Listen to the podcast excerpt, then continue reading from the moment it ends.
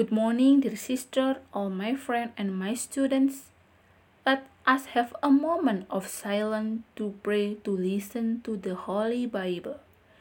In the name of the Father, and of the Son, and the Holy Spirit. Amen. Thank you, Jesus, for always wanting to be my friend.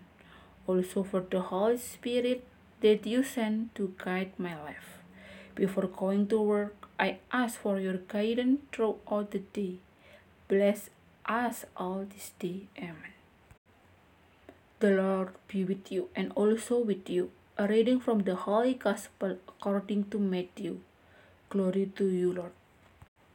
And Jesus went from there and came to the Sea of Galilee.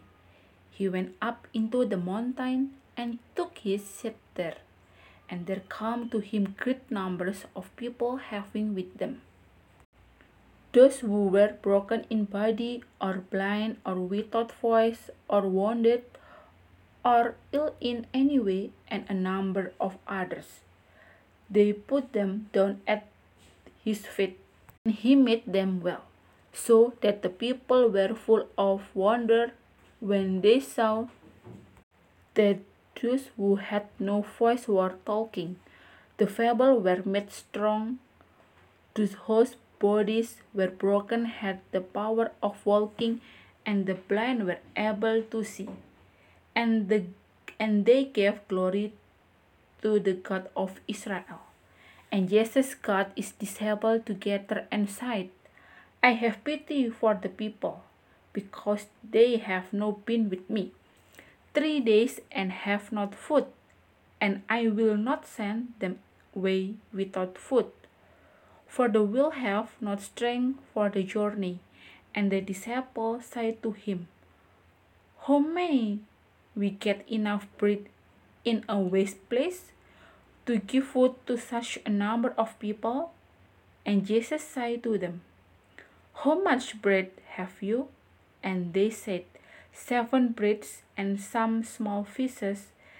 Then he gave an order to the people to be seated on the earth, and took the seven cakes of bread and the fishes, and having given price, he gave the broken bread to the disciple, and the disciple gave it to the people, and they all took food and had enough, and they took up of the broken with seven basketful.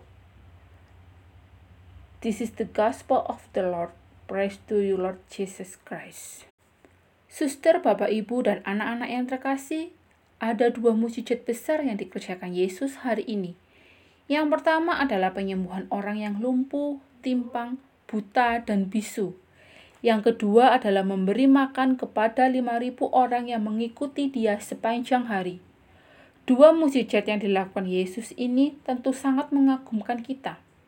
Bila kita memperhatikan dan sesama, maka di sana ada satu benang merah yang menghubungkan keduanya, yang sekaligus menjadi pesan yang mau disampaikan Yesus kepada kita, yaitu pentingnya memiliki hati yang berbelas kasih kepada sesama yang sakit dan berkekurangan. Hari ini Yesus ingin mengajak kita untuk menumbuh kembangkan semangat kepedulian dan berbagi dengan sesama kita yang membutuhkan perhatian dan bantuan dari kita.